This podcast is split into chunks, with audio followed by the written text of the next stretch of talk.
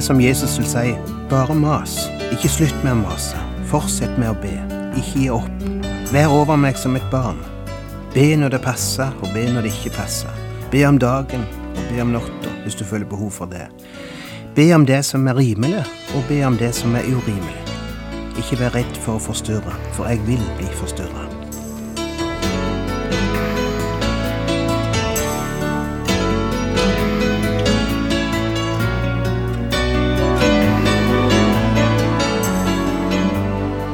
Hjertelig velkommen til et nytt program i serien Vindu mot livet. Vindu mot livet er basert på programserien Insight for Living ved Chuck Svindal.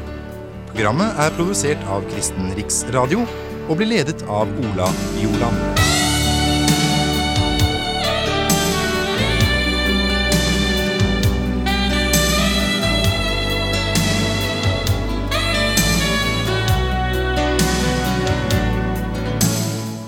Vi er i kapittel sju i Hebreabrevet, i vår gjennomgåelse av bergpreika. Og i dag skal vi begynne med å lese versene sju til elleve. Be, så skal dere få. Let, så skal dere finne. Bank på, så skal det lukkes opp for dere. For den som ber, han får, og den som leter, han finner. Og den som banker på, blir det lukket opp for. Eller er det noen av dere som vil gi sin sønn en stein når han ber om brød? Eller gi ham en orm når han ber om en fisk? Når selv dere som er onde, vet å gi barna gode gaver, hvor mye mer skal da ikke den far dere har i himmelen, gi gode gaver til dem som ber ham? Det er så enkle ord Jesus sier her at det nesten er overflødig å kommentere de. Jeg er redd for at kommentarene mine bare vil komplisere det hele, men jeg får nå ta den sjansen. Det er bønn han snakker om. Kanskje vi skal kalle det tre grader av bønn, tre faser i bønn. Be, leite og banke på. Alt dette, alle disse tre ting refererer til bønn. En kommentator sier det slik. Et barn hvis moren er i nærheten og han kan se henne. Vil be henne, spørre henne om det han har på hjertet. Hvis hun ikke er i nærheten, vil han lete etter henne. Hvis hun er i et annet rom og han, og han ikke kan komme inn til henne, vil han banke i veggen eller på døra. Det er det Jesus sier her. Be. Hvis du ikke ser meg eller finner meg, let. Hvis du fremdeles føler du ikke kan nå meg, du føler jeg er i et annet rom hvor du ikke kan komme inn, bank på. Det er det barn gjør, og barn er nettopp det Jesus bruker som bilde her, et barn og en far. Et nydelig bilde, og det er et bilde vi forstår. Vi har ingen problemer med å forstå det bildet, om vi bare kunne klart å overføre det på vårt forhold til Han som er vår far. Det er der problemet ligger. Det er ikke å forstå bildet, men det er å bruke det, og la det si oss noe om vårt forhold til Han, som ønsker at vi skal ha et like umiddelbart og tillitsfullt forhold til Han, som vi sjøl ønsker at våre barn skal ha til oss. Jeg traff ei ung mor nylig som hadde gutten sin med seg, og hun sa, Det er jo fantastisk, jeg er jo så glad i den gutten, men av og til blir det litt slitsomt òg. Du vet, jeg er aldri fri. Han er der hele tida, og han er over meg, overalt, gir meg aldri fred. Av og til skulle jeg yngste kunne gått inn i et annet rom og lukka døra og vært noen minutt heilt for meg sjøl. Men jeg ikke før lukka døra, så banka det på den. Mamma, mamma. Og jeg åpna døra, og han står der med et stort glis. Hei, mamma. Det var alt han hadde på hjertet, men det var nok til at han banka på døra og avbrøt min fem minutts korte pause. Han måtte sjå meg heile tida. Ja, vi blir trøtte av og til. Vi trenger pause. Men små barn gir oss ikke pause. Og slik vil Jesus fortelle oss at vi skal få være i vårt forhold til Han som er vår far, for Han trenger ikke pause. Faktisk står de samme ordene òg i Lukas 11, og før de ordene kommer Jesus med et eksempel der. Lukas 11, 5-8. Så sa han til dem, Sett at en av dere går til en venn midt på natten og ber ham, Kjære, lån meg tre brød, for en venn som er på reise er kommet til meg, og jeg har ikke noe å by ham. Tro dere han der inne da ville svare, Ikke forstyrr meg, døren er all stengt, og både barnet og jeg er i seng. Jeg kan ikke stå opp og gi deg noe. Nei, jeg sier dere, selv om han ikke står opp og gir ham det for vennskaps skyld, så vil han iallfall gjøre det fordi han er så pågående, og gi ham alt han trenger. Og så kommer orda, be så skal dere få, let så skal dere finne, bank på så skal det lukkes opp for dere. Det er som Jesus vil si, bare mas, ikke slutt med å mase, fortsett med å be, ikke gi opp, vær over meg som et barn. Be, be når det passer, og be når det ikke passer. Be om dagen og be om natta, hvis du føler behov for det. Be om det som er rimelig, og be om det som er urimelig. Ikke vær redd for å forstørre. Jeg vil bli forstørret.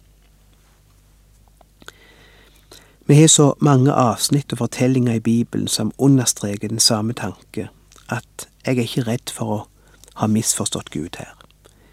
Gud vil at vi skal stå på og ikke bli trøtte i vår bønn. Gud vil at vi skal mase, for å bruke et slikt uttrykk. En nydelig fortelling som viser dette, er den vi finner i første Mosebok 32, om Jakob som kjemper med en engel. Vet du hva han var ute etter? Han var ute etter å bli velsigna av Gud. Og han kjempa, eller sloss, med en skapning ifra himmelen, slik fortellingen skildrer det. Han sloss og kjempa til dagen grudde. Han ba, han lette, han banka på. Og engelen, hvis det var en engel da, hvis det ikke var Gud i engelskikkelse, ser ut til å ville prøve han, og sier slipp meg. Men Jakob svarer, jeg slipper deg ikke før du velsigner meg. Og så får han det han ber om. Og så fikk han et nytt navn. Vet du at det var der Jakob fikk sitt nye navn, Israel? Vet du hvorfor? Fordi Israel betyr Guds kjempe, eller den som kjemper med Gud. Hør hva som står. Du skal ikke lenger hete Jakob, men Israel skal være ditt navn. For du har kjempet med Gud og mennesker og vunnet. Syns du det høres litt utilbørlig ut å skulle kjempe slik med Gud og maser på Han? Vel, det er bare det at det er Gud sjøl som stadig sier at vi skal gjøre det. Det er i Bibelen du finner denne tanken, om igjen og om igjen. Og her i bergpreika finner du det igjen. Jesus sier, ikke slutt med å be, ikke gi opp. Be som et barn ber til sin far eller mor. Vær over meg hele tida. Gud liker det. Gud liker barn som ikke kan slippe han av syne, som skriker når han finner døra stengt. Bank på den døra. Gud skal åpne den. En tredobbel formaning er det Jesus gir oss her. Og som ikke det skulle være nok, så får vi en tredobbel forsikring. Den som ber, han får. Den som leter, han finner. Den som banker på, blir det lukket opp for. Med en sang på engelsk som heter Blessed Assurance, Jesus is mine. Den er oversatt til norsk og heter på norsk Salige visshet, Jesus er min. Men direkte oversatt skulle det vært Velsignede forsikring. Og det er det jeg finner her i disse ordene av Jesus. Det er tre velsigna forsikringer. Jesus forsikrer oss tre ganger om at han vil svare den som ber, og la seg finne av den som leiter. og åpne døra for den som banker på. Og som om heller ikke det skulle være nok, fortsetter han. Eller er det noen av dere som vil gi sin sønn en stein når han ber om brød? Eller gi ham en orm når han ber om en fisk? Når selv dere som er onde, vet å gi barna gode gaver, hvor mye mer skal da ikke den far dere har i himmelen, gi gode gaver til dem som ber ham? Det er akkurat som Jesus visste hva som ville komme til å skje når vi begynner å praktisere disse ordene. Det hender nemlig at svaret ikke alltid kommer med en gang, eller på den måten jeg tenkte. Det hender jeg kommer opp i situasjoner som er så uverdige og vanskelige, og jeg ber Gud om hjelp, og det kan synes som han svarer med å gjøre det enda vanskeligere og rodete. Det kan nesten synes som han heller meg for narr eller at han tar feil vare på hylla. Når jeg ber om et brød, så får jeg en stein. Når jeg ber om en fisk, så får jeg en orm, slik som det står her. Har du opplevd det slik? Dette regna Jesus med at vi ville oppleve, eller at det av og til ville sjå slik ut for oss, og derfor sier han, om du skulle komme til å tenke slik, så husk på det jeg har sagt. Det er aldeles umulig for en far som elsker sitt barn, å gjøre noe slikt imot det. Det vet det. Han vil ikke holde sitt barn for narr og lure det, og misbruke dets tillit, og gi det en orm når det ber om en fisk. Hvilken far kjenner det som ville gjort noe slikt hvis han var normal? Sjøl en far som ikke er fullkommen, en far som er full av feil og svakhet og synd, ville aldri gjøre noe slikt. Fedre gjør ikke slikt, hvis de er normale i sine følelser, iallfall. Hvordan kan de tro at Gud vil gjøre noe slikt, Han som er fullkommen? Han som ikke engang gjør feil? Hvordan kan du tro at Han vil ta feil vare i hudla og gi deg noe som er vondt for deg, når du ber om brød? Jeg får et bestemt inntrykk når jeg leser alle disse fortellingene og avsnittene i Bibelen om bønn. Jeg får et inntrykk av at Gud vil at vi skal være litt mer pågående og dristige, og kanskje våge å utfordre Han enda mer i våre bønner. Får ikke du det inntrykket? Kan du tolke disse avsnittene på noen annen måte? Dere har ikke fordi dere ikke ber, sier Jakob i sitt brev. Vi er jo opplært i vår tradisjon at vi skal legge til alltid ikke som jeg vil, bare som du vil. At vi ikke skal forvente for mye, liksom, men overlate alt til Han og la Han bestemme hvor mye av det vi ber om Han vil gi oss. Så til de grader har jeg vent meg til å tenke slik at jeg til tider har slutta å være konkret i mine bønner. Jeg vet at han ser hva jeg trenger, så jeg trenger ikke be om det, iallfall ikke konkret. Jeg kan bare si gi meg alt du ser jeg trenger. Ja, det kan være ei god og rett bønn, når du liksom ikke orker å tenke lenger. Når jeg har tenkt meg trett til døden, si så hva du har tenkt, å Gud. Det har vært tider der jeg har bedt og bedt, og til slutt orker jeg ikke mer. Og så sier jeg bare til Gud, Gud, du vet alt, du vet hva jeg trenger, jeg orker ikke tenke på det lenger, du får gi meg det du vil. Men sånn i alminnelighet tror jeg vi skal få være litt mer konkrete i vår bønn. Du vet, sjøl om jeg er glad i barna mine, og gjerne vil gi de det beste, de får ikke det lille ekstra uten at de ber om det. Jeg kunne ført statistikk, og det skulle overraske oss hvor mye av det de har fått som de fikk nettopp fordi de spurte om det, og som de antagelig ikke ville ha fått hvis de ikke hadde spurt. Og når Bibelen stadig bruker bildet med foreldre og barn når det gjelder vårt bønneliv, så tror jeg det blant annet er for å fortelle oss at For å få, så må du be. Du må tigge Gud. Minne Han om det. Av en eller annen grunn har Han laga det slik til at det går ikke automatisk. Han vil tilbes, han vil bli spurt. Jeg har tatt meg i det flere ganger når noen har spurt meg om jeg vil være med og be for dem, be om at de må bli friske, for eksempel, eller noe annet konkret som de ville skulle være med og be om. Og jeg har ofte sagt, før vi folder hendene, sagt til de som bedt om forbønn, nå må vi også huske at det er ikke sikkert Gud gir oss det vi ber om, slik vi ber om det. Det er ikke alltid Han lar oss få det vi ber om. Han ser hva som er best for oss, og han vil gi oss det som er til gagn. Derfor må du være forberedt på et nei. Og det er jo for så vidt så sant som det er sagt. Men jeg lurer på om ikke slike ord mest skylder usikkerhet og vantro mangel på tillit til Han som er bedt oss om å bede Han.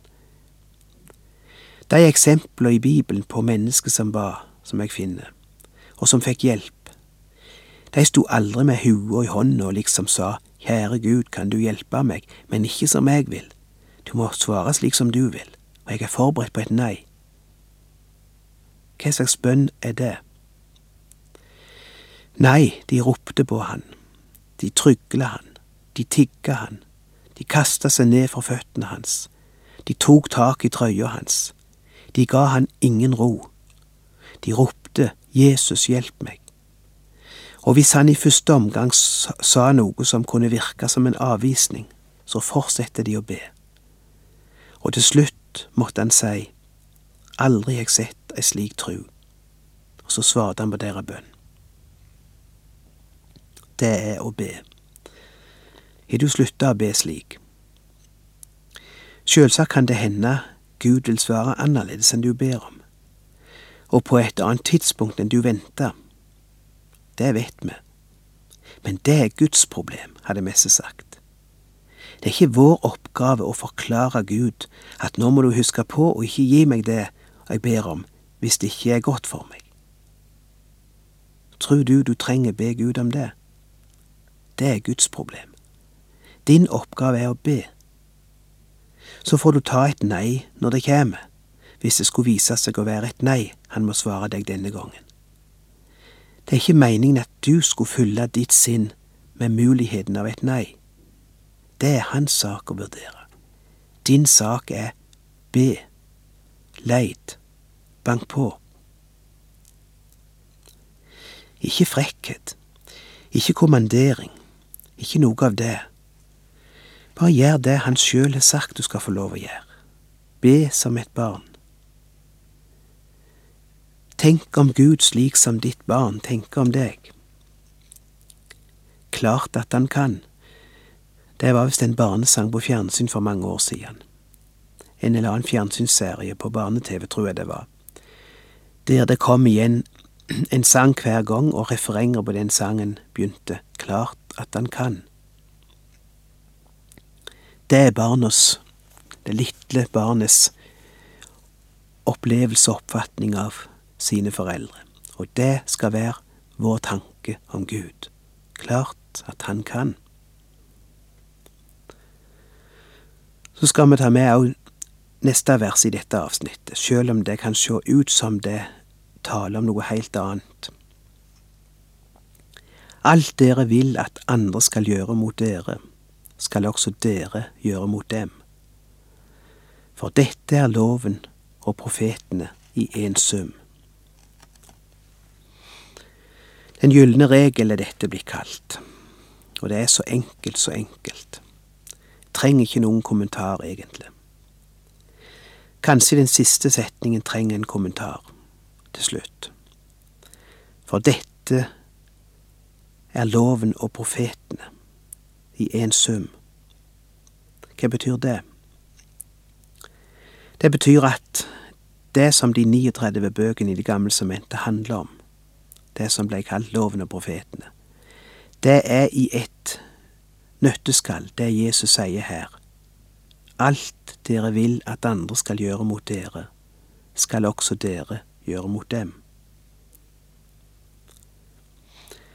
Jeg har møtt mennesker som argumenterer og diskuterer til de er blå i ansiktet, om betydninga av det ordet, det og det ordet, men de har overhodet ikke forstått summen av det hele, hva det hele dreier seg om.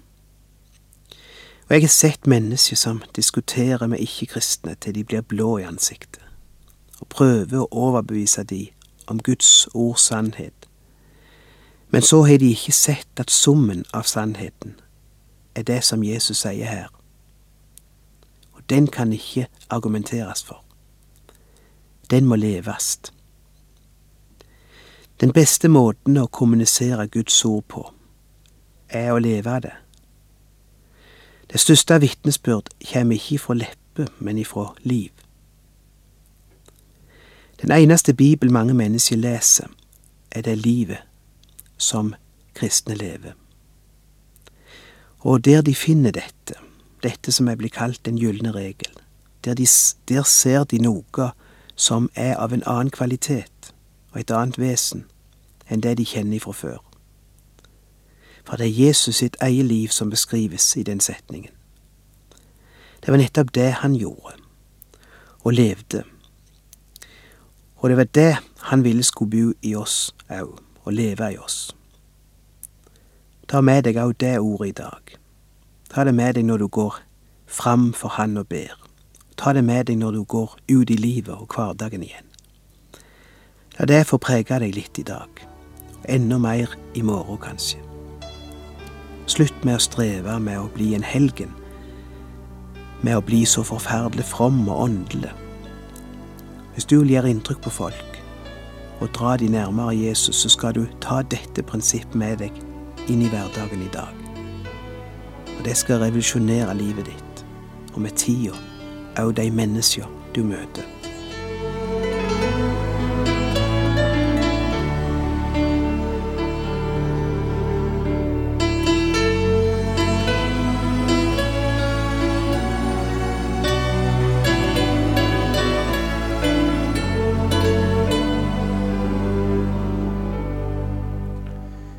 Har lytta til Ola Bjoland i serien 'Vindu mot livet' fra Kristen Riksradios arkiv.